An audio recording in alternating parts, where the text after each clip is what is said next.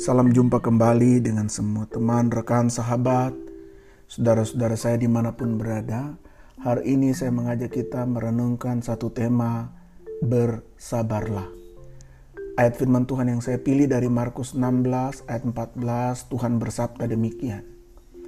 Akhirnya ia menampakkan diri kepada kesebelas orang itu ketika mereka sedang makan.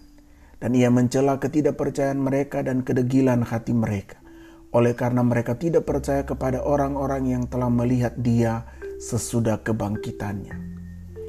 Sering kita menjumpai tipe orang yang skeptik, yaitu kurang percaya atau ragu terhadap berita kebenaran yang kita sampaikan.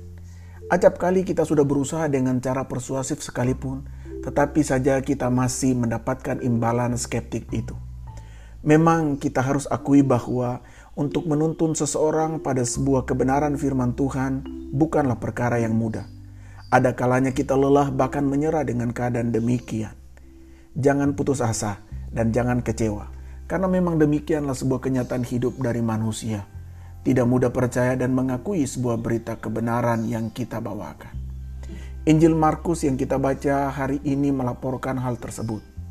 Berita kebangkitan Yesus Kristus meski disampaikan oleh para wanita, yang mengunjungi kubur Yesus, dua muridnya yang baru pulang dari perjalanan ke Emmaus setelah berjumpa dengan Yesus yang bangkit.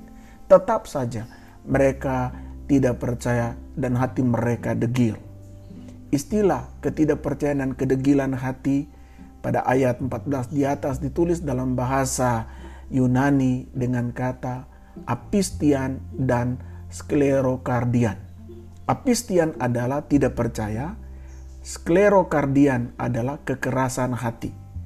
Apistian dan sklerokardian bukanlah tanda dari superioritas intelektual seseorang. Karena banyak orang sains adalah orang yang beriman dan taat kepada Kristus Yesus yang bangkit. Karena itu, ketika Yesus mencela apistian dan sklerokardian, mereka bukan karena mereka buta dengan berita kebenaran tentang kebangkitan itu tetapi setelah mereka mendengar berita kebenaran itu, mereka tidak mau merangkulnya. Kita tahu, sebagai utusan Tuhan tidak selalu memuaskan sesama kita dan juga tidak selalu sesama kita menanggapi berita kebenaran yang kita bawakan dengan hati dan tangan yang terbuka. Musa yang diutus Tuhan pun pernah merasakan gejolak ini di hatinya karena bangsa Israel tidak akan percaya kepadanya. Karena itu, Harunlah yang diangkat menjadi juru bicara bagi Musa. Sebagai umat dan saksi Tuhan, janganlah putus asa, janganlah kecewa, tetapi tetaplah teguh dan teruslah bersaksi dan beritakan kebenaran Tuhan.